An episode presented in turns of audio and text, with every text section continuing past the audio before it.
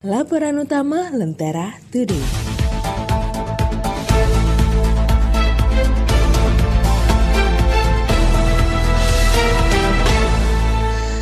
Gamang Corona Inang Binatang Meski di negeri lain penularan COVID-19 pada binatang sudah terdengar, kekhawatiran menghantui Indonesia saat dua harimau di Taman Marga Satwa Jakarta dinyatakan positif corona.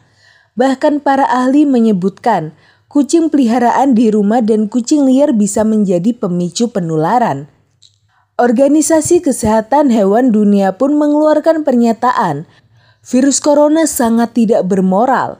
Indonesia wajib waspada sebab serangan bisa terjadi dari berbagai arah mengingat varian Delta juga telah menyerang ke seluruh negeri, termasuk bermunculannya varian Delta Plus penularan dari manusia ke manusia, dari manusia ke hewan, dari hewan ke hewan, dan seterusnya, menjadi lingkaran setan tak berujung, sehingga membuat pandemi diprediksi makin sulit teratasi, terutama karena inang makin beragam, yaitu manusia dan hewan. Padahal kekuatan negara untuk memenuhi ketersediaan vaksin dan obat untuk warganya saja masih terbatas, apalagi bila harus menyiapkan anggaran khusus untuk binatang karena memerlukan vaksinasi serupa. Aduh, sehat-sehat ya Lentera People.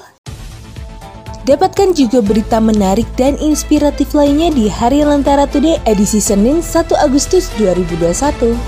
Cek edisi digitalnya di www.lenteratoday.com.